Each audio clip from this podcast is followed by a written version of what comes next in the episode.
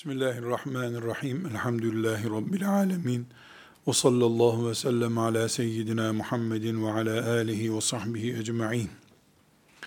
Medine'ye mesafemizi ve hangi Medine'nin ismine hayran olduğumuzu tespit etmek isteriz. İsteriz ki biz Allah'ın peygamber olarak gönderdiği Muhammed Aleyhisselam'ın şeriatını devletleştirdiği, hayatın rengi haline getirdiği Medine'nin adamı olalım. Bulunduğumuz yer Medine olsun. Biz Medine'ye gidemesek de bulunduğumuz yeri Medine yapmaya çalışıp gayret ederken Rabbimiz bizi görsün isteriz. Bunun da yapılabilecek en pratik çalışması Peygamber sallallahu aleyhi ve sellem Efendimizin hadisi şeriflerini ashab-ı kiram yaptığı gibi hayatımıza uygulamak olacak. Onun hadisi şeriflerini uyguladıkça da Allah'ın kitabı Kur'an-ı Kerim'i hayatımızda uygulayacağız demektir. Ne biz bilgimizle ne de bizden öncekiler tahminleriyle Kur'an-ı Kerim'i yaşama tarzımızı belirleyemeyiz. Kur'an-ı Kerim Allah'ın kitabıdır. Muhammed aleyhisselam Allah'ın Kur'an'ı açıklamakla görevlendirdiği peygamberidir. Biz burada veya dünyanın herhangi bir yerinde Allah'ın peygamberinin üzerinden Kur'an'ı yaşarız. O ne yaptıysa yaparız. O ne konuştuysa konuşuruz. Ne söyleyin dediyse söyleriz. Ortaya Kur'an'ımız çıkar. Yoksa Kur'an-ı Kerim bizim adını kullandığımız ama pratiğini yapamadığımız bir kitap olarak maazallah karşımızda durur. Şöyle bir e, çalışma yapacağız bu dersimizde. Mesela Peygamber aleyhisselam Efendimizin temizlikle ilgili hadisleri diye bir başlık açmayacağız. Mesela namazın önemiyle ilgili bir başlık açmayacağız. Sıradan böyle Kur'a ile çekip çıkmış gibi hadisi şerif okuyacağız. Bir hadis-i şerif seçeceğiz. Tıpkı ashab-ı kirama yaptığı gibi Efendimiz sallallahu aleyhi ve sellem. Bir hadis-i şerif seçeceğiz. O hadisi şerifin bize neler anlattığına bakacağız. Çünkü aleyhissalatü vesselam Efendimiz bir gün ashabını toplayıp, gelin, şimdi size bugün abdesti öğreteceğim deyip, abdest semineri yapmadı. Kendisi bir yerde abdest alırken sahabiler onu gördüler. Abdest böyle anlıyormuş, anladılar. Birisini abdest alırken aleyhissalatü vesselam Efendimiz gördü, sen topuğunu yıkamadın.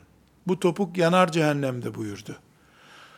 Abdest alırken topukların arkasını yıkamanın çok önemli olduğunu ashab-ı kiram anladılar. Mesela aleyhissalatü vesselam Efendimiz 23 senede aile semineri diye bir seminer vermedi. Kadın hakları diye bir konuşma hiç yapmadı. Ne yaptı ya? Ona aile ile ilgili bir konuda bir şikayet geldi, ona cevap verdi. O cevabından ashab-ı kiram alıntıladılar ki bu dinimizde böyleymiş. Kul hakları diye bir kitap yazmadı. Ama birisinin birisine zulmettiğini gördü. Ona hemen tepki gösterdi. Bunun tehlikelidir bu yaptığın dedi. Bunun üzerine Efendimiz sallallahu aleyhi ve sellemin bu ikazından kul hakkı maddesini çıkardı ashab-ı kiram. Bunun sonucu ne oldu biliyor musunuz? Çocuk annesinden süt emer ya, o süt bazen kemik olur, bazen kas olur, bazen deri olur. O süt o çocuğu büyütür ama anne onu bugün tırnakları büyüsün diye emziriyorum diye emzirmez. Anne sütünü verir. Doğal bir şekilde verir. Çocuk ondan sonra bir yerden şeker yer. Bir meyveyi ısırır. Derken onların karmasından koca bedenini ayakta tutar o çocuk. ashab-ı kiram da bizim yaptığımız gibi okula gidip programlı bir eğitim görmediler. Kur'an bile programlı bir şekilde inmedi. En kolay bileceğimiz örneği alkolle ilgili ayet kaç kademede indi? Alkol ayetleri diye bir ayet yok Kur'an-ı Kerim'de. Bir indi, bir hüküm verdi. Bir indi, bir hüküm verdi. Bir indi, bir hüküm verdi. Bir geldi, yasakladı. Bu ashab-ı kiramın çok tabii hayatı yaşar gibi, nefes alır gibi, su içer gibi Allah'ın şeriatını özümsediler. Biz şimdi mecburen şüphesiz geldiğimiz noktada ne yapıyoruz? Bugün oturup namaz dersi yapıyoruz. Öbür gün oturup oruç dersi yapıyoruz. Ramazan-ı Şerif gelince sadakayı fıtre dersi yapıyoruz. Dinimizi konulandırmak zorunda kaldık biz. Konu konu anlatıyoruz. Bu şüphesiz alim yetiştiriyor, Müslümanlara dinini öğretiyor. Biz bu tarza mecburuz. Bunu hiçbir şekilde tartışamayacağımız kadar bir hakikat kabul ediyoruz. Ama bir de şöyle deneme yapalım istiyorum. Şimdi ben bir hadis-i şerif okuyayım. Bu hadis tepeden iner gibi insin. Başlığı bizimle hiç ilgili değilmiş gibi olsun. Sonra biz bizimle hiç ilgili değil gibi duran bu başlıktan kaslarımızı, tırnaklarımızı, dişlerimizi, kıl köklerimizi besleyelim. Böyle bir deneme yapalım. Bu tür okuduğumuz hadis-i şeriflerle de Medine'ye mesafemizi yaklaştırırız. İnşallah. Birinci hadisi şerifi Ebu Hureyre radıyallahu anh'tan rivayet ediyoruz. Ebu Hureyre radıyallahu anh Beyhaki'nin Süneni Kübrası'nda 6918. hadis-i şerif Bukhari'de de 1337. hadisi şeriftir. Bukhari'de zikredilen bir hadis, başka kaynaklarda da zikrediliyorsa, önce Buhari'nin adını vermek uygun düşer kaynak olarak. Ama bizim tercih ettiğimiz daha kolay anlaşılır uslubundan dolayı Beyhaki'nin rivayetidir. Bu sebeple Beyhaki'yi kaynak olarak gösterdik bunu birinci olarak. Aynı hadisi Beyhaki bizim anlamamızı biraz daha kolaylaştıracak bir dille nakletmiş. Raviden ona öyle ulaşmış. O şekilde dinliyoruz. Ebu Hureyre radıyallahu anh'ın hadisi şerifini dinleyelim. Metin olarak okuyayım. Peygamber aleyhisselamın mescidi temizleyen siyah bir kadını vardı. Mescidi temizliyor kadın. Ebu Hureyre radıyallahu anh bu kadınla ilgili bir hatırayı naklediyor. Peygamber aleyhisselam mescidi temizleyen siyah bir kadını görmeyince o kadın nerededir diye sordu. O öldü diye cevap verdiler. Bana haber vermeli değil miydiniz buyurdu. Dediler ki gece vefat etmişti. Gece de defnedildi. Sizi rahatsız etmek istemedik. Resulullah sallallahu aleyhi ve sellem onun kabrine gitti ve onun namazını kıldı. Sonra da buyurdu ki, Müslümanlardan biri vefat edince bana muhakkak haber verin. Sallallahu aleyhi ve sellem. Tekrar zihnimizi toparlaması için bir kere daha hızlıca okuyayım. Ebu Hureyre diyor ki radıyallahu anh, Peygamber aleyhisselam mescidi temizleyen siyah bir kadını göremeyince, o kadın nerededir diye sordu. O öldü diye cevap verdiler. Bana haber vermeli değil miydiniz buyurdu. Dediler ki, gece vefat etmişti. Gece de defnedildi. Sizi rahatsız etmek istemedik. Resulullah sallallahu aleyhi ve sellem onun kabrine gitti ve onun namazını kıldı. Sonra da buyurdu ki, Müslümanlardan biri vefat edince bana muhakkak haber verin. Beyhaki'de Es-Sünenül Kübrası'nda 6918. hadis, Bukhari'de 1337. hadisi şerif. Şimdi bunu biz sıradan Peygamber sallallahu aleyhi ve selleme ait bir bilgi olarak okuduk. Bu Peygamber aleyhisselam Efendimizin mescidini temizlemeye çalışan siyah derili bir kadının hatırası. Duygusallık ihtiva ediyor bilgi. Aynı zamanda da Peygamber sallallahu aleyhi ve sellem Efendimizin diğer sahabileri gibi kadın bir sahabiyle de ilgilendiğini, derisinin siyah olmasının onun için bir ayrıcalık olmadığını ortaya koyuyor. Bu hadisi herhangi bir yerde arasak biz kabrin başında cenaze namazı kılmakla ilgili bölümde bulabiliriz. Ashab-ı kiram ise bunu günün içindeki olaylardan biri olarak yaşadılar. Bundan dört büyük ders çıkardı ashab-ı kiram. Ayrıntılarıyla beraber yedi ders çıkardılar. Ashab-ı kiram bu olaydan yedi ders çıkardı. Biz bugün Bukhari ve Beyhaki'nin rivayet ettiği diğer kaynaklarda da var. Temel kaynaklarını almış oldum. Bu sahih hadisi şerifi. Peygamber Efendimiz sallallahu aleyhi ve sellemin gününde böyle bir olay yaşandığından hiçbir tereddüdümüz yok elhamdülillah. Yüzde yüz ortaya çıkmış bir olay. Bundan biz yedi büyük olay, işte dördü çok önemli, üçü de ayrıntılı bir şekilde yedi olayı çıkarırsak, dinimizi yedi damardan beslemiş oluruz. Ashab-ı kiram da Allah onlardan razı olsun. Böyle beslene beslene dindarlıklarını kuvvetli hale getirdiler. Biz bunu siyah bir kadının cenazesi kılınmış diye geçiştirirsek, beslenme kaynaklarımızdan birisini daraltmış oluruz.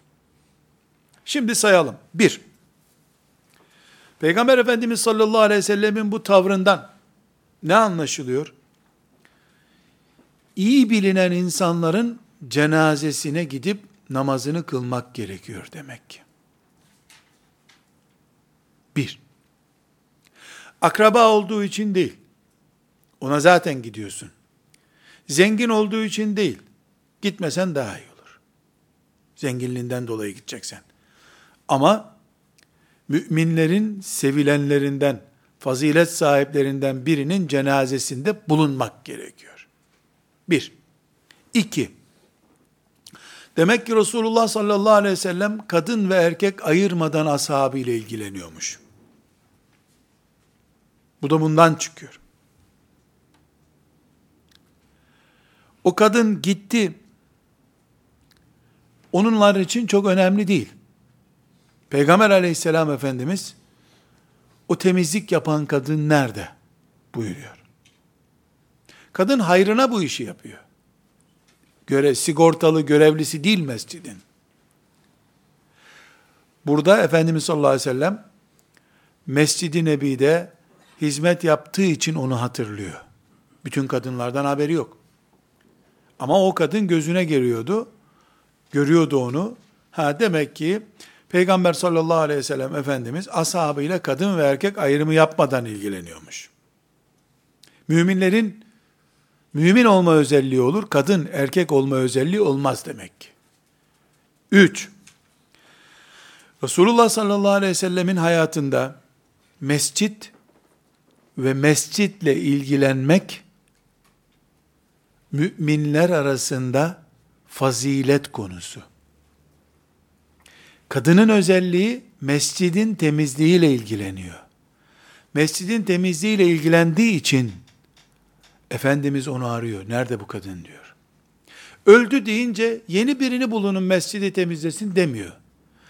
Mescidine hizmet eden birine vefa borcu hissediyor, mezarına gidiyor. Demek ki mescitlerimizle ilgilenmek Müslümanlar arasında vefayı gerektirir konulardan biri. Cami yapmak, caminin tuvaletlerini temizlemek, caminin halısını süpürmek, camını çerçevesini silmek, camiye gençlerin gelmesi için yardım etmek, gelen gençlerle ilgilenen ihtiyara olmak, imam efendinin yardımcısı olmak, müezzin efendinin yardımcısı olmak, caminin propagandasını yapmak, caminin hoş görüntüsünü sağlayacak bir iş yapmak, hep bu kadının yaptığı işler bunlar. Bunlar bu ümmetin içinde takdir görmesi gereken işler demek ki. Takdir görmesi gereken işler olduğu için bunlar Resulullah sallallahu aleyhi ve sellem beni o kadının cenazesine götürün, mezarına götürün buyurdu. Niye bana haber vermediniz buyurdu. Eğer bir caminin, çok dikkat ediyoruz bu noktaya, bir caminin sadece imam efendisi dikkat çekiyorsa, o caminin diğer hizmetlerini görenler dikkat çekmiyorlarsa, sünnetten aykırı yaşıyoruz demektir. Çünkü sahabi eğiten peygamberimiz sallallahu aleyhi ve sellem, camiden çöp toplayan kadını da önemli konuma getirdi. Sünnet üzere yaşamak ve Medine'ye yakın bir hayat yaşamak, yaşadığın şehri Medineleştirmek, mesafeleri kısaltmak Medine ile bu mantıkla mümkündür. Üçüncü nokta. Dördüncü nokta, bu kadın siyah derili bir kadın. Medine'nin yerlileri siyah derili değil. Evs ve Hazret yani Medine'nin ensar kadrosu siyah derili değil. Bilaller oraya siyah derili olarak geldiler. Belli ki bu kadın Medine'nin yerlisi değil. Bir sebeple Medine'ye gelmiş. Hizmetçi olarak gelmiş. Ne geldiyse gelmiş Medine'ye. Ve Medine erkek ağırlıklı bir toplum Medine'si. Cihadı erkekler yapıyor. Mescide beş vakit erkekler gidiyor. Ticareti büyük oranda erkekler yapıyor. Hakimiyet ve hizmet erkeklerin üzerinde. Ama bu kadın, işin garip tarafı adı da belli değil kadının. Ebu Hureyre adını da zikretmiyor. Siyah derili bir kadın diyor. Bu kadın, üzerine görev olmadığı halde, toplum böyle bir baskı yapmadığı halde, Müslümanlığı bunu ona mecbur etmediği halde, Resulullah'ın dinine yapabileceği tek alternatif hizmet olan, katkı olan mescidi temizlemeyi görev edinmiş. Bu ne eğitimi veriyor dördüncü nokta? Müslüman aktif olmanın yollarını bulmak zorundadır. Yalvarma ve ricaya gerek bırakmadan kendisi dinine hizmet edecek bir şeyler bulmalıdır. Belki de bu kadını beni onun mezarına götürün diye Peygamber sallallahu aleyhi ve sellemin ilgi odağı olacak hale getiren de onun bu hassasiyetidir. Neden? Bu kadın evinde otursaydı, namazını kılsaydı, Resulullah sallallahu aleyhi ve sellem, o siyah kadın gelsin bu camimizi temizlesin diyecek miydi? Ondan sonrakiler için demedi ki, kadın görevi kendisi oluşturdu. Kendine görev üretti kadın. Kimseye de zarar vermeyecek bir iş yaptı. Hani erkekler çekilsin, cihadı biz yapalım der gibi bir tavır da yapmadı. İhmal edildiğini düşündüğü, kimsenin vakit bulamadığı düşündüğü bir işi üretti. Nedir o? Mescit temizlensin. O yapmasa ashab-ı suffaya temizletecekti Efendimiz mescidi. Sallallahu aleyhi ve sellem. Ashab-ı suffadakiler dersleriyle meşgul oldular, ibadetleriyle meşgul oldular. Bu kadıncağız da o boşluğu doldurdu. Kadının hem misyonu değil, hem ondan böyle bir beklenti yok. Ama kadın kendisi üretti, kendisi çalıştı. Resulullah'ın gözünde cenazesi için kabrine gidilecek hale getirdi kadını bu görevi. Evet, cami temizlemek önemli bir görev ama onun görevi değildi bu. Yapması ayıplanmayacaktı. Çünkü camiye namaza gelmesi de mecburi değil kadının ki temizliğine de mecburi olsun. Caminin temizliği de orada namaz kılanların sorumluluğu. Namazı da erkekler kılıyor. Erkek ağırlıklı bir mescit o. O dönemde kadınlar Mescid-i Nebi'ye gidiyorlardı ama gelmese kimse onları aramıyordu niye gelmiyorsunuz diye. Zaten her ayın belli günlerinde mescide zaten gelemiyorlardı. İsteseler de gelemiyorlardı. Demek ki bu sahabi kadın hem kendisi büyük iş yaptı. Allah ondan razı olsun bizi şefaatine nail etsin. Hem de erkek sahabilere bile bir ders verdi. Bu dersin üstüne de Peygamber aleyhisselam mühürünü bastı. Ne ders verdi? Müslümansan dinine hizmet edecek bir şey bulacaksın. ve bunu yapacaksın dedi. Resulullah sallallahu aleyhi ve sellem de doğru söylüyorsun dedi üstüne. Onu arayışı, onu takdir edişi Peygamber sallallahu aleyhi ve sellemin bu sonucu oluşturuyor. Dördüncü çıkardığımız nokta. Beşinci çıkardığımız nokta, bu kadın ne yaptı? Bedir'de mücahit değil. Uhud'da gazi değil. Sadaka veren birisi değil. Peki Hassan İbni Sabit radıyallahu anh gibi gelip peygamberi şiirleriyle müdafaa eden birisi değil. Mescitte gelip fakirlere yemek pişiren, imaret işleten birisi değil. İki günde bir, üç günde bir ne zaman geliyorsa mescitte elektrikli süpürgeyle mescidi temizliyormuş işte. Kardeşler, mescit bir defa çamur. Kaç yıl sonra Efendimiz sallallahu aleyhi ve selleme yalvarmış ashab-ı kiram çakıl döşeyelim burayı demişler. Hep çamur oluyoruz demişler. Son senelerinde de çakıl olmuş. Belki o çakıl dönemini rastlamamıştır bu kadıncağız. Çamur bir mescit, toprak bir yerin nesini süpürecek? Üste ağaç, hurma dallarından çatı var. Onlar dökülüyordur ikide bir, onları toplayacaktır. Elektrikli süpürgeyle süpürüp, e, bulaşık tozuyla alacak, yıkayacak bir hali de yok orada. Öyle bir şey yok zaten. Bir piknik yeri ne kadar temizlenirse, mescit yerini de öyle temizleyecekti bu kadın. Yaptığı çok bir iş yok. Aman olsun muhakkak aciliyet gerektiren bir iş değil. Bu iş bir gönül işi. Birinci dereceden Uhud gibi, Bedir gibi, infak gibi birinci dereceden bir iş değil. Ama Resulullah sallallahu aleyhi ve sellem'in mescidinin temiz olması nazik bir iş. Duygusal bir iş. Bunu becermiş. Bununla da Resulullah'ın gönlünü kazanmış. Sallallahu aleyhi ve sellem. Bir kadın Resulullah'ın gönlünü kazandıysa aleyhissalatü vesselam, Allah ondan razı olmuş mudur, olmamış mıdır? Sormaya gerek yok. Böyle bir soru sorulur mu? İnne salateke sekanun aleyhim. Senin onların üzerine namaz kılman, onlar için rahmettir Allah buyuruyor. Kabrinin başına gitmiş ve Efendimiz sallallahu aleyhi ve sellem namaz kılmış kabrinde. Münafıkların namazını kılma diye ikaz etmiş Allah. E Peygamber aleyhisselamın o kadından razı olması, Peygamber aleyhisselamın gönlünü alması, Allah'ın ondan razı olduğunu gösteriyor. Beşinci nokta. Ama bu razılığı bu kadıncağız, Osman İbni Affan'ın Tebuk gazvesinde yaptığı gibi binlerce askeri donatarak, ordunun gıda ihtiyacını karşılayarak elde etmemiş.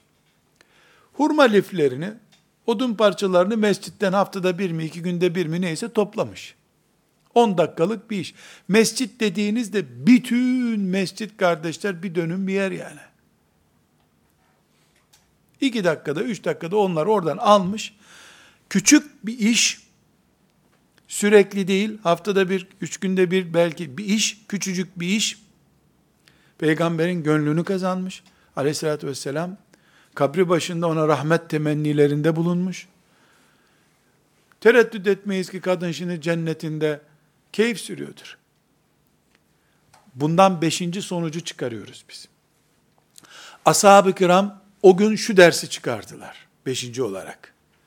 Demek ki Allah'ın terazisi çok hassas tartıyor. Bize göre küçük, Allah'a göre cennet.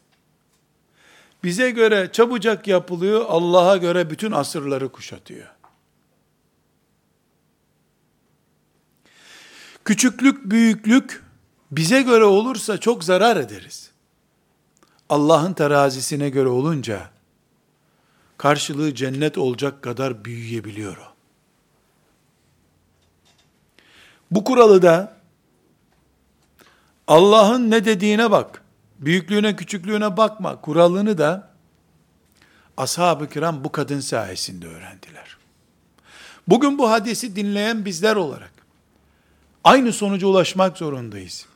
Bir Müslümanın Allah senden razı olsun sözünü basit görürsek bu hadise hala ihtiyacımız var demektir.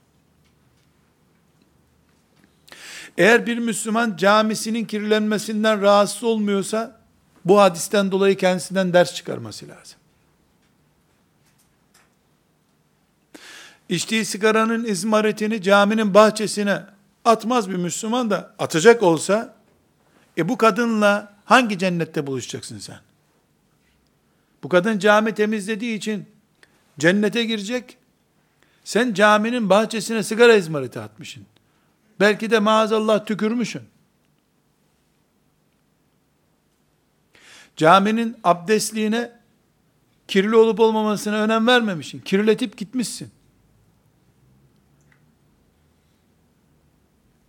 Eğitim böyle bir şeydir. Anne sütü gibidir. Sana bir fincandan daha az bir süt içirir.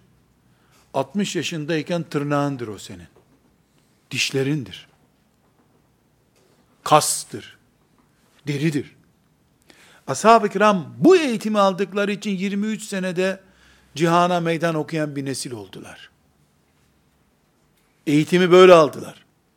Kas olacak şekilde, damar olacak şekilde, vücutlarının kan ihtiyacını karşılayacak şekilde eğitim gördüler.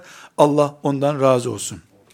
Altıncı bir eğitim daha Ebu Hureyre bize veriyor bu hadis sayesinde.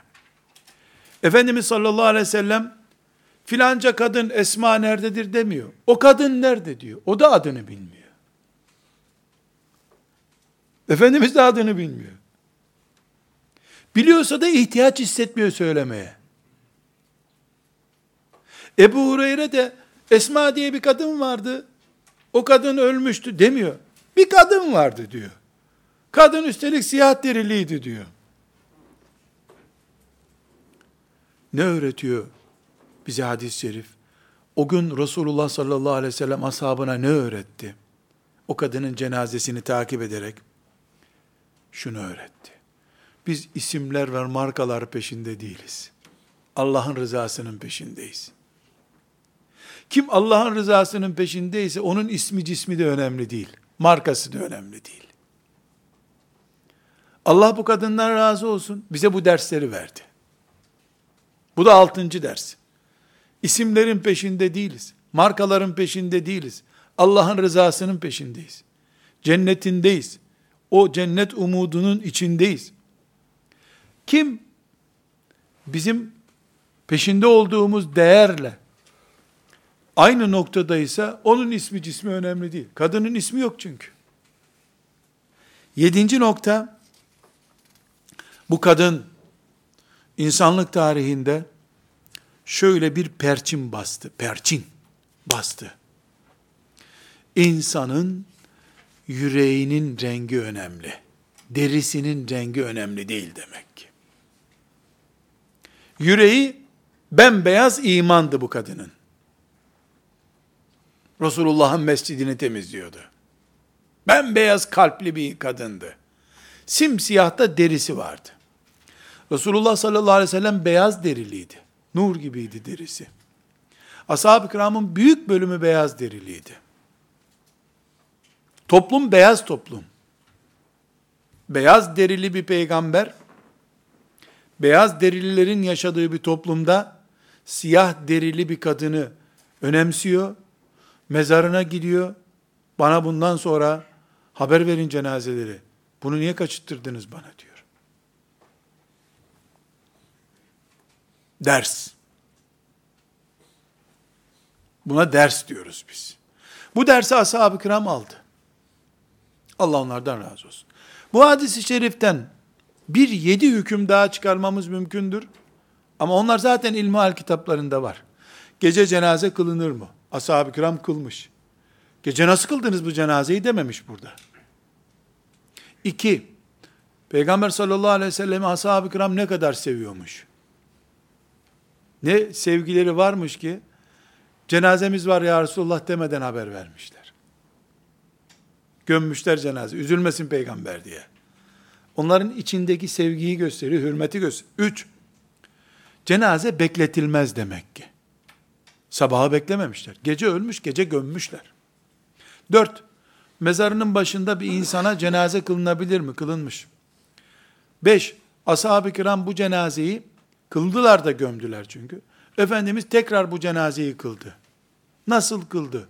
Bu fıkıh ayrıntısı. Dedi ki fıkıhlara girmiyoruz. Altı, demek ki filanca Müslüman öldü diye birbirimize haber vermemiz lazım.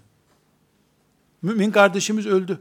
Çünkü ne buyuruyor Efendimiz? Müminlerden biri ölünce bana haber verin buyuruyor. Yedi. Demek ki Efendimiz sallallahu aleyhi ve sellem sadece düğünlere gitmiyordu. Cenazelerle de ilgileniyordu. Sevgide, nefrette, bollukta, darlıkta, hoşlukta, kötülükte, her şeyde ashabıyla beraberdi. Onların babası gibiydi. Onların annesi gibiydi. Hepsinin her derdiyle ilgileniyordu. Bu tip onlarca hüküm çıkarabiliriz bu hadis-i şeriften ama yedi temelde bu hadisi şerifi durduralım. Çünkü bunun üzerinden biz hayat düzeni kurarız Allah'ın izniyle. Öyle bereketli bir tavrı var ki aleyhisselam efendimizin bir toplum inşa edecek kadar güzel sonuçlar var. Ama biz tekrar Medine'ye yaklaşma projemize dönüyoruz. Tek bir hadis aldık şimdi. Bu hadis üstelik ahkam hadislerinden biri değil. Çok gündeme gelen İslam'ın şartlarını anlatan hadislerden biri değil. Sıradan bir Medine'deki bir vakayı Ebu Hureyre Allah ondan razı olsun hatıra olarak bize naklediyor. Bu hadis üzerinden nefis muhasebesi yapmaya kalksak, bakın ne kadar mesafemiz varmış Medine'ye. Bizim teğet geçebildiğimiz, e, çok önemli işte, dursun bir kenarda dediğimiz hadis, aslında ashab-ı kiramın karne aldıkları uygulamalardan birisiymiş meğer ki. Biz bugün ne yapacağız o zaman? Eğer ashab-ı kiram gibi Allah'a yakın ve rızasına uygun bir hayat yaşamak istiyorsak, Medine ile aramızdaki mesafeyi kısaltmak istiyorsak, bu hadisi şerifi işim yerimizde, evimizde, vakfımızda, her yerde hayat pratiğimize dökeceğiz. İlla cenaze olması şart değil. Mümin kardeşlerimizi, ilişkilerimizi ihtiva ediyor hadis-i şerif. Resulullah sallallahu aleyhi ve sellemin mescitlerini, Allah'ın mescitlerini, alakayı ihtiva ediyor. Aktif Müslüman olmanın temellerinden birisini gösteriyor. Kendine iş üreten Müslümanla verilen işi bile hantal bir şekilde yapan Müslüman arasındaki farkı gösteriyor. Oturup siyah derili bir kadın Resulullah'ın gönlünü kazanacak aleyhissalatü vesselam bu işi yapmış. Ben sağ olsaydı Resulullah sallallahu aleyhi ve sellem Medine'de olsaydım ne yapmıştım şimdiye kadar diye sorabiliriz. Resulullah sağ değil ama sünneti sağ. Ben hiçbir şey yapamıyorum deyip mesela çok bu hadis-i şerifi ben kendime uyarlayayım. Şimdi mesela ne yapabilirim? Bir medreseye gidip talebelerin çamaşırlarını yıkayabilir miyim? Bir kadın olarak niye yıkamayayım ki? Medrese ne demek? Ashab-ı Suffa gibi Resulullah sallallahu aleyhi ve sellemin sünnetinin, Kur'an'ının öğrenildiği yer. Ben ne kadar 10 çocuğun çamaşırını yıkasam hastalanmam herhalde deyip bir medreseye gidip müdüre selamun aleyküm. Her cumartesi günü bu kapıya siz büyük bir poşete 10 talebenin çamaşırını koyun. iç çamaşırı da dahil. Ben de pazartesi kurutup ütületip getirttireyim. Vallahi bu o kadındır işte. Peki bu kadın ölürse kim cenazesine gelecek? Resulullah sallallahu aleyhi ve sellem ve ente fihim. O bizim içimizdedir. Kendisi gelmese bile onun ruhaniyeti o kadının cenazesindedir. Eğer o kadın bu kadını taklit ederek Resulullah sallallahu aleyhi ve selleme böyle yaptı, Resulullah ona böyle yaptı diye ben de öyle olayım diye yapıyorsa e, aynı şey bizim için de geçerli. O kadının kıldığı namazı kılıyoruz da kabul oluyor da o kadının yaptığına benzer bir işi yapınca niye kabul etmesin Allah Teala? Niyetin temizse aynı şey bizim için de geçerli. Bir talebenin çamaşırını yıkarım. İkisi çok olur. Belim ağrıyor yıkayamam. Olabilir. Bir talebenin çamaşırını yıkarım. Bir Kur'an kursunu gider haftada bir temizlerim. Bu çocuklar ne zaman tatile çıkıyor? Cuma günü. Cuma günü ben medreseyi temizleyeyim. Kadın eliyle temizlik görsün o mes medrese, mescit. Yapılacak o kadar iş var ki bu işlerin her biri Medine ile aramızdaki mesafeyi sıfırlar Allah'ın izniyle. O kadar yapılacak iş var ki. Ama her şeyi profesyonelleştirdik biz. Cami temizliği şirketlere veriliyor. Kur'an kursuna hademe alınıyor. Çocukların çamaşırlarını zaten kursta makine var orada yıkıyorlar. Her şey profesyonel oldu. Korkarım cennete girmeyi de profesyonel olarak bir sigorta şirketine havale edeceğiz herhalde. Beni cennete sok diye. Kala kala bir o kaldı. Hayır. Hayır. Bu kadın gösteriyor ki Allah'ın rızasını kazanacağımız binlerce iş var. Ve bunlar masrafsız işler. Hiçbir masrafı yok. Siz deterjanı alın ben bu kursu temizleyeyim diyeceksin. Bu kadar basit. Bu Medine'ye mesafem olmasın. Medine'ye yakın olayım diye derdi olanların işidir. Böyle bir derdi olmayanın zaten bir sakıncası yok. İkinci hadisi şerifi Ömer bin Hattab radıyallahu anh'la ilgili bir hatıra olarak dinleyeceğiz. Zeyd bin Eslem isimli tabi'i babasından naklediyor. Ömer bin Hattab ona bir hatıra anlatmış. Bu da Ebu Davud'da 1678. hadis-i şeriftir. Tirmizi'de de 3675. hadisi şeriftir. Bildiğiniz bir hatıra ama bu hatıradan bakın neler çıkaracağız şimdi. Yine Resulullah sallallahu aleyhi ve sellemin mescidinde ashab-ı kiramın katıldığı bir hatıra var. O hatırayı dinleyeceğiz. Sonra da nasıl anneden süt emer gibi Resulullah'tan hadis emmişler. Ona bakacağız. O sütü ememediğimiz için cahiller çıkıp da Kur'an bize yeter, onun bunun sütüne ihtiyacımız yok der gibi sünneti ihmal ettirmeyi bize alıştırdıkları için nasıl kas zafiyetine uğramışız. Genç yaşta Müslümanlar olduğumuz halde nasıl kas zafiyetinden dolayı yürüyemez, Allah yolunda adım atamaz olmuşuz, onu göreceğiz. Ömer bin Hattab radıyallahu anh diyor ki, bir gün Resulullah sallallahu aleyhi ve sellem bize sadaka vermemizi emir buyurdu. O gün de benim verecek malım vardı. Geçebileceksem bugün Ebu Bekir'i geçerim dedim. Malımın da yarısını getirdim. Resulullah sallallahu aleyhi ve sellem ailene ne bıraktın buyurdu. Bu kadarını bıraktım dedim. Yarısını getirdiği için bu kadarını bıraktım demiş. Ebu Bekir radıyallahu an ise ne kadar malı varsa hepsini getirdi. Resulullah sallallahu aleyhi ve sellem ona da ailene ne bıraktın buyurdu. O da onlara Allah'ı ve Resulünü bıraktım dedi. Ben de bunun üzerine dedim ki artık seninle hiçbir şeyde yarışamam. Bir gün Ebu Bekir'i geçmeye niyet etmiş, o gün de Ebu Bekir gene geçmiş onu. O da anlamış ki Ebu Bekir'le yarış olmaz. Allah ikisinden de razı olsun. Bütün ashab-ı kiramdan razı olsun. Bu hatırayı 50 sene camide namaz kılan bir Müslüman cuma vaazları dinliyorsa rahat 100 defa dinlemiştir. Ebu Bekir malının hepsini getirdi. Ebu Bekir malının hepsini getirdi.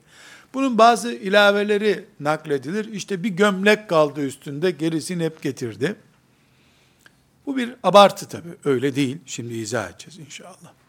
Ama her halükarda bu hadisi şerif ashab-ı kiramın Allah onlardan razı olsun. Oldu da.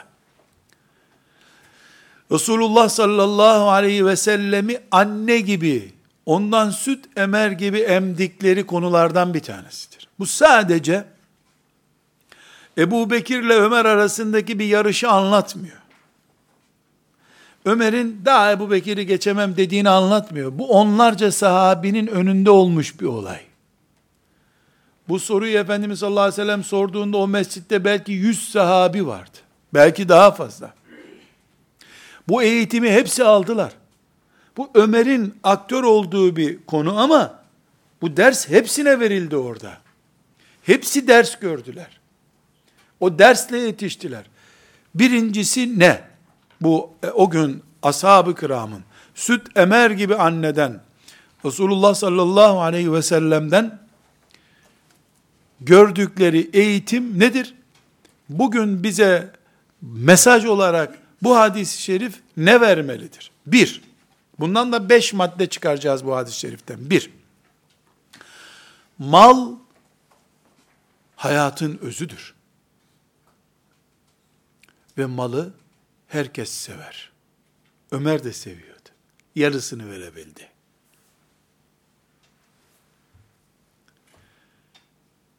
Dolayısıyla mal sevgisi ithal değildir.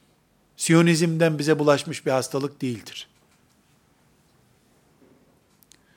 Layık eğitim yüzünden gençlerin bulaştığı bir hastalık değildir mal sevgisi. Mal hayatın özüdür. Dünyanın kendisi bir maldır zaten.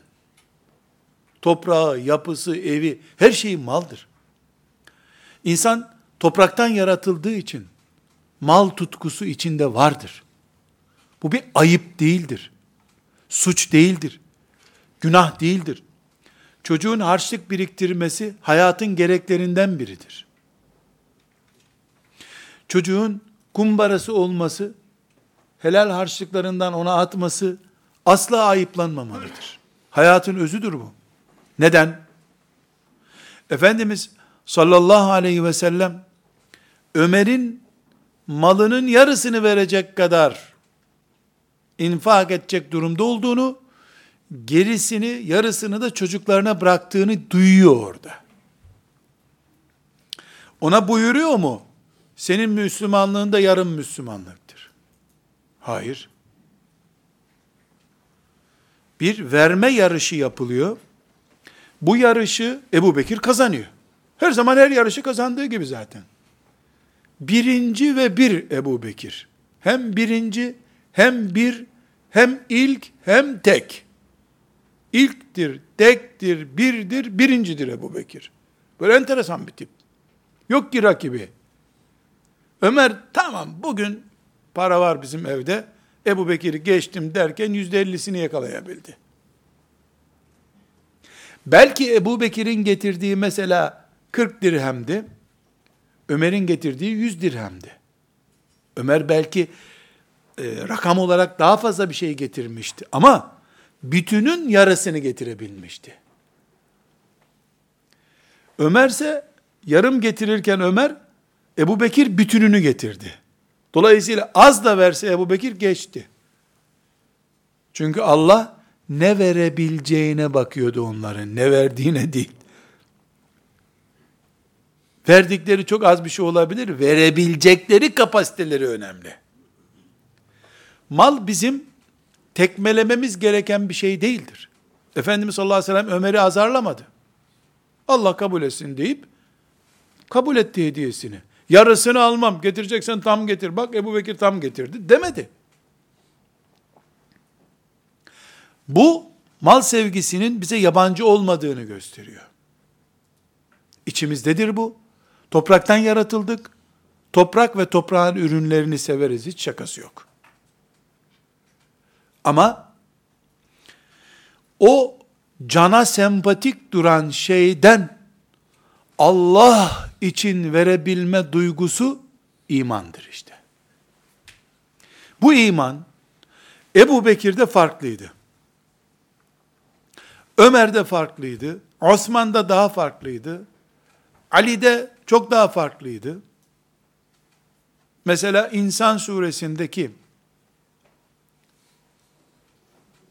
ve yut'imûne at-ta'âme alâ hubbi miskînen ve etîmen ve esîrâ İnnemâ nut'imukum li vecihillâhi la nuridu minkum cezâen ve la şükûrâ İnna nekhâfu min Rabbina yevmen abûsen kamtarîrâ ayeti. Ali radıyallahu anh için indiği söylenir. İftar etmek için sofra kurmuş Fatıma anamız. İftar edecekler. Sahur yemeği de yiyememişler yokluktan dolayı. İftarda da işte ne var tahmin edin. Bir çömlekte sıcak bir şey. İçine 5-10 lokma ekmek atmışlardır. İkisi yiyeceklerdir onu. Kapıları vurulmuş. E, kapıyı açmış Ali. Çok açım iftar saati bir şeyim yok. Allah için bir şey verin demiş. Getirmiş çömleği almış vermiş ona. Sofrada başka bir şey yok. Adam da Allah razı olsun teşekkür ederim deyince cevap vermiş. Biz o zor gün karşımıza çıksın diye bunu verdik. Teşekkür için değil demiş. İnnemâ nut'imukum li vecihillah. Biz bunu Allah'ın hatırı için verdik. Teşekküre de ihtiyacımız yok demiş. İnsan suresinde ayet bu.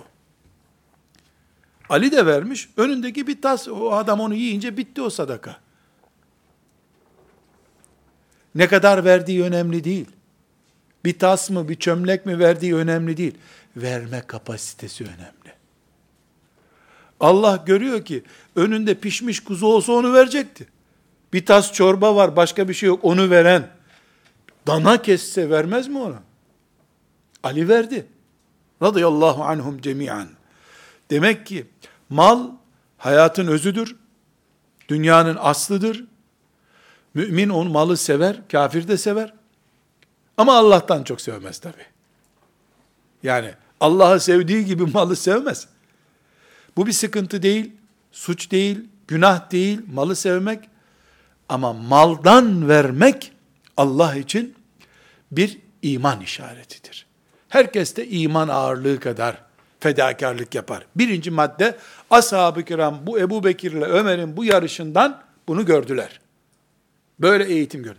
İkinci madde, Efendimiz sallallahu aleyhi ve sellemin oradaki tepkileri karşılığından da anlaşılıyor ki, demek ki sadaka, sadaka, mümini temizliyor. Ebu Bekir, Ömer'den, Allah ikisinden de razı olsun.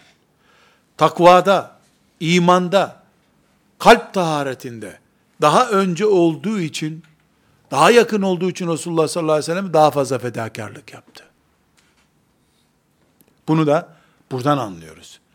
Sadaka temizliyor. İkinci madde, daha çok veren daha çok temiz oluyor demek ki. Üç, bu hadis bir şeyi daha gündeme getiriyor. Efendimiz sallallahu aleyhi ve sellemin huzurunda Ebu Bekir bütün malını verdiğini söylüyor. Efendimiz buna karşı çıkmıyor. Alıyor üstelik. Halbuki Efendimiz sallallahu aleyhi ve sellemin genel kuralı şudur.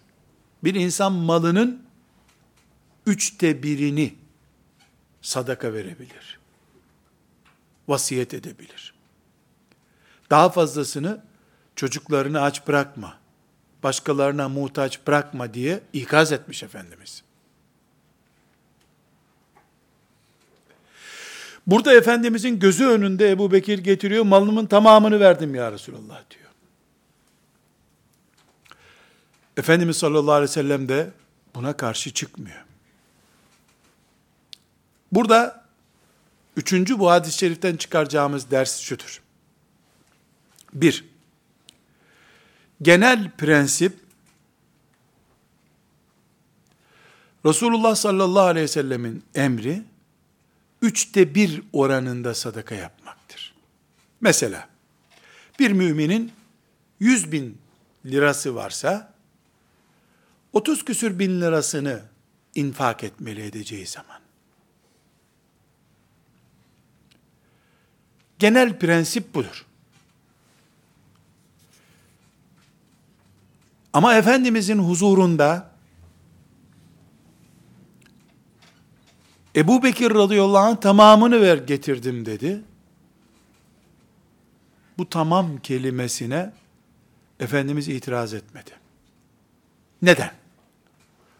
Önceki kuralı da Efendimizin ashabın gözü önündeydi. Üçte bir kuralı. Bu da ashabın gözü önünde oldu. Ama Ebu Bekir radıyallahu anh malının tamamını verse, iki gün sonra gelip, biz Allah için yaptık bu harcamaları, şimdi ise Müslümanlar bir elektrik paramıza bile yardım etmiyorlar, demeyeceğini biliyordu Resulullah sallallahu aleyhi ve sellem. Tükürdüğünü yalayacak diniyette biri değildi Ebu Bekir. İşler iyiyken biz vakfa apartman bağışlamıştık. Şimdi vakıf bizim çocuğu almıyor. Demez diye bu Bekir. Demedi de zaten. Kızını verdi Resulullah'a aleyhissalatü vesselam arkasından böyle demedi. İlk günden son güne kadar malının tamamını verdi. Gene bir şey demedi. Kovalamadı verdiği malı. Öbür sahabilerin veya sıradan Müslümanların biz bu vakfa yardım ediyoruz bizim çocuğu niye almıyorsunuz yaz kampına diyeceğini biliyor Efendimiz. Bu yürekliliği Ebu Bekir gösterir, herkes gösteremez. Onun için Ebu Bekir tamamını getirince Allah kabul etsin Ebu Bekir dedi. Başkası getirince üçte birden fazla olmasın dedi. Ya Resulallah malımın tamamını Allah için vereyim mi? Deyince yok dedi. Ka'b bin Malik radıyallahu anh ve ale selâsetillezîne hullifu ayetindeki sahabi ve Tebuk gazvesinden geri kalan sahabi. Yani Efendimiz sallallahu aleyhi ve sellem vicdanları sıkıştırmaya e, sebep olacak tavırlardan kaçındı. Abartılı abartılı şeyler vaat edip altında kalma. Yani verdiği malda gözü kalma tehlikesi olsun istemedi. Ramazanda kampanya yapıyorsun iftarda. Haydi veren yok mu? Biri kalkıyor yalandan 50 veriyorum diyor. 49 versen ayıp olacak şimdi. 50 biz de 50 verelim diyene bile onu verdiler. E 60 versen bari. Sonra o çekleri de ödeyemiyor adam. Verdiğini başa kakıyor, hiçbir sevap elde edemiyor. O sebeple Efendimiz sallallahu aleyhi ve sellem dengeli olabilir, makuliyet üzerinden anlaşılabilecek sadaka mefhumu olsun istiyor. Ve bunu da sallallahu aleyhi ve sellem nasıl yapıyor? Üçte bir diye kural koyuyor. Üçte biri aşmayın buyuruyor. Sallallahu aleyhi ve sellem. Ebu Bekir'i niye istina etti? Ebu Bekir mağara arkadaşı. Onun yüreğini tanıyor. Ebu Bekir on kere ölse, on birinciye dirilse, o canı gene Resulullah'a verirdi. Biliyordu onu. İlk ve tek. Birinci ve bir. Hep bir ve birinci Ebu Bekir. Ondan şüphesi yoktu. Korkusu da yoktu. Öbürlerine de seviyordu, saygı gösteriyordu. E hanımları itiraz ederdi belki. Belki çocukları baba hepsini niye verdin bu malın derlerdi. Bir vicdan sıkışıklığına neden olmak istemiyor Efendimiz sallallahu aleyhi ve sellem. Bir dördüncü madde, şu soruyu sorabiliriz.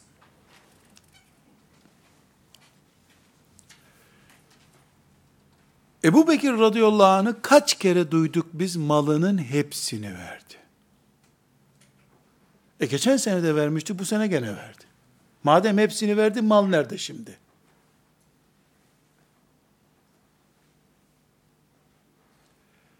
Bu soruyu bir oryantalist kafalı modern Müslüman sormadan ben size sorayım cevabını da vereyim.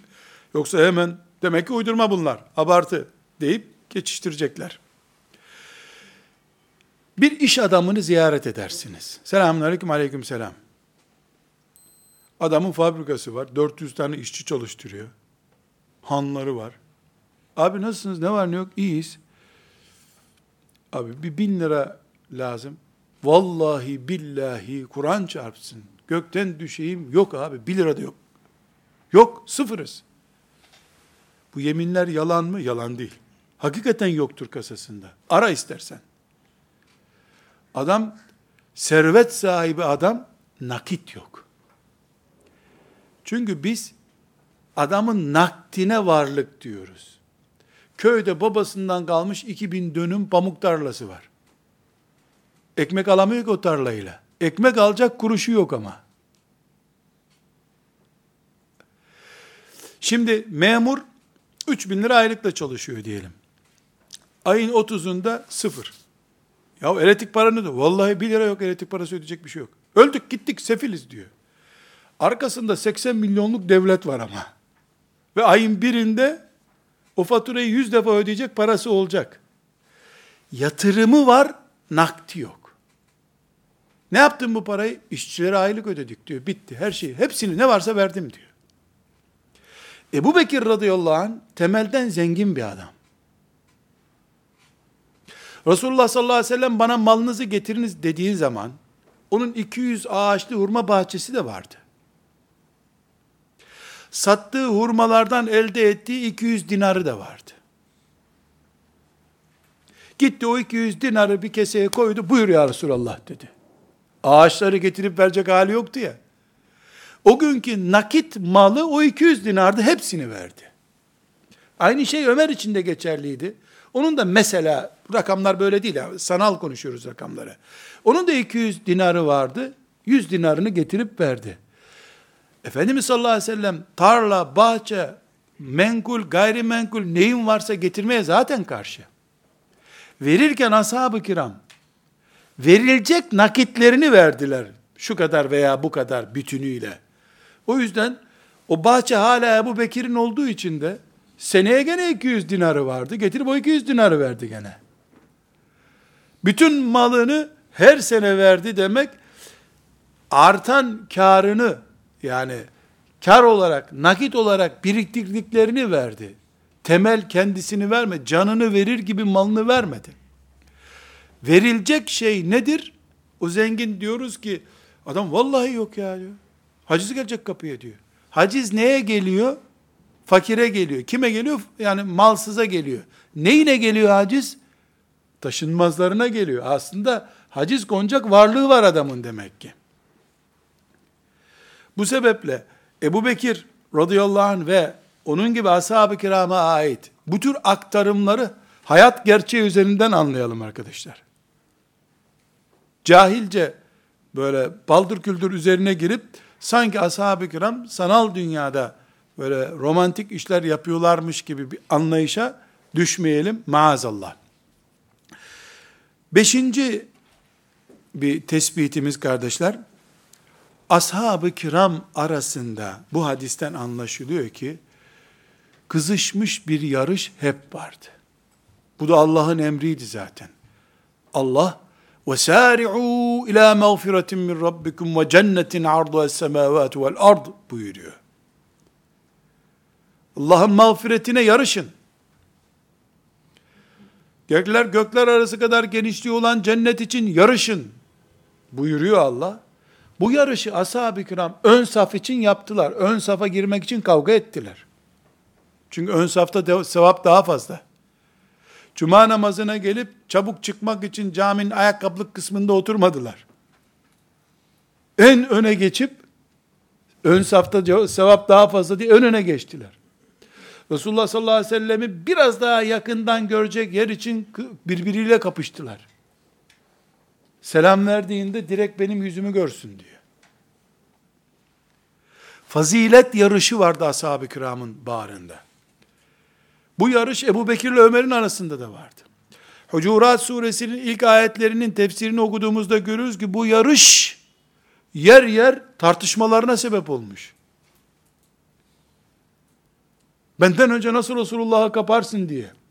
Bu sünnete ben daha layıkım diye düşünmüşler. Mala gelince e, sen al olmuş ama rızaullah'a gelince Peygamber aleyhisselamın gönlüne gelince benden başkası olmasın düşünmüşler.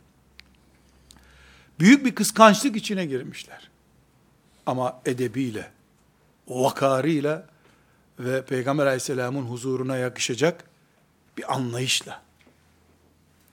Ashab-ı kiram arasında bir yarış kesinlikle var. Fazilet yarışı. Allah'a yaklaşma yarışı. Bu yarış bir ayıplı konu değil. Bilakis Rabbimizin emri yarışın. Tıpkı insanların mal kazanmakta yarıştıkları gibi Allah'ın rızasını kazanmakta, Peygamber aleyhisselamın sünnetine sarılmakta da yarışıyor olmaları lazım. Bu hadis-i şerif, bu Ömer radıyallahu anh'ın Ebu Bekir'i geçmeyi düşündüm, geçemedim tarzı. Bu yarışların akıbeti ne olmuş? Yarış sonuçlarına gelebiliriz. Bir, farklı alanlarda farklı sahabiler yarışlar kazanmışlar.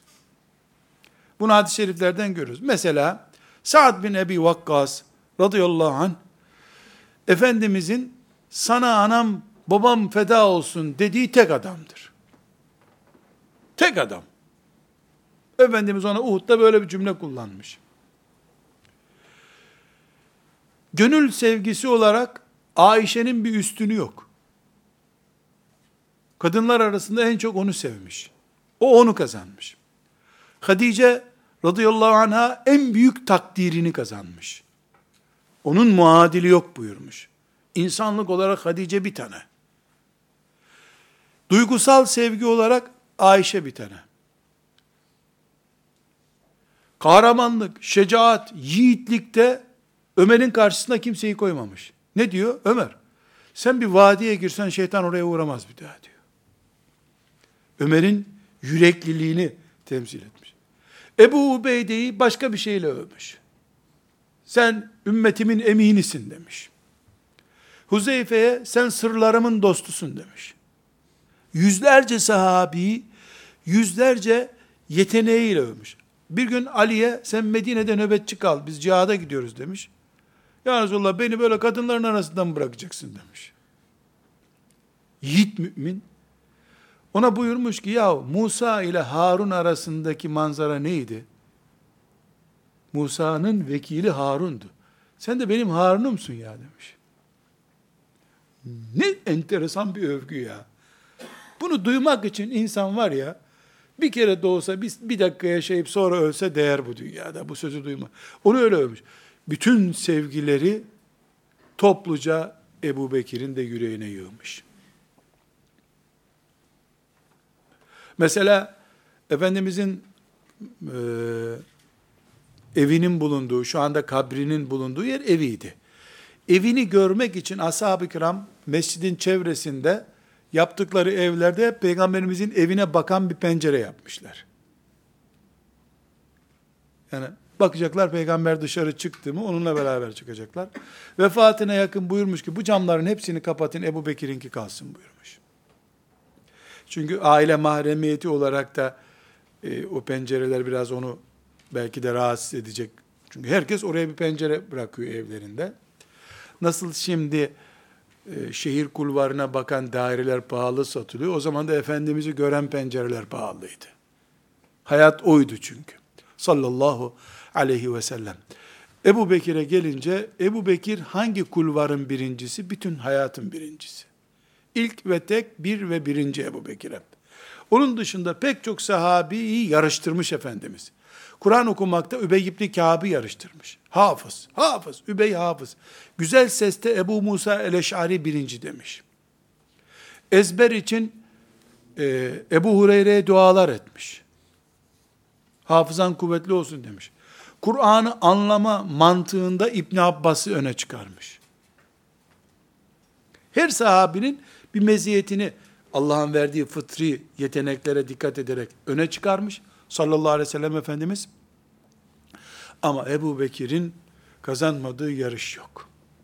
Çünkü Ebu Bekir ilk. İlk göz ağrısı onun. Tek göz ağrısı. Beraber hicret edeceğiz Ebu Bekir deyince Ebu Bekir sevincinden ağlamış. Ebu Bekir kabul etti diye Efendimiz ağlamış. Dostlar. Allah'ın kaderinin tecellisine bak, kıyamete kadar da yan yanalar. Kıyamete kadar. 23 yıl beraber oldular. O beraberlik öyle bir ürün verdi ki, belki 2023 yıl daha beraber olacaklar. İnşallah biz de yanlarında olacağız. Medine'ye yakın olmak istiyoruz yanı başında olmak istiyoruz. Onun için hadis okuyoruz.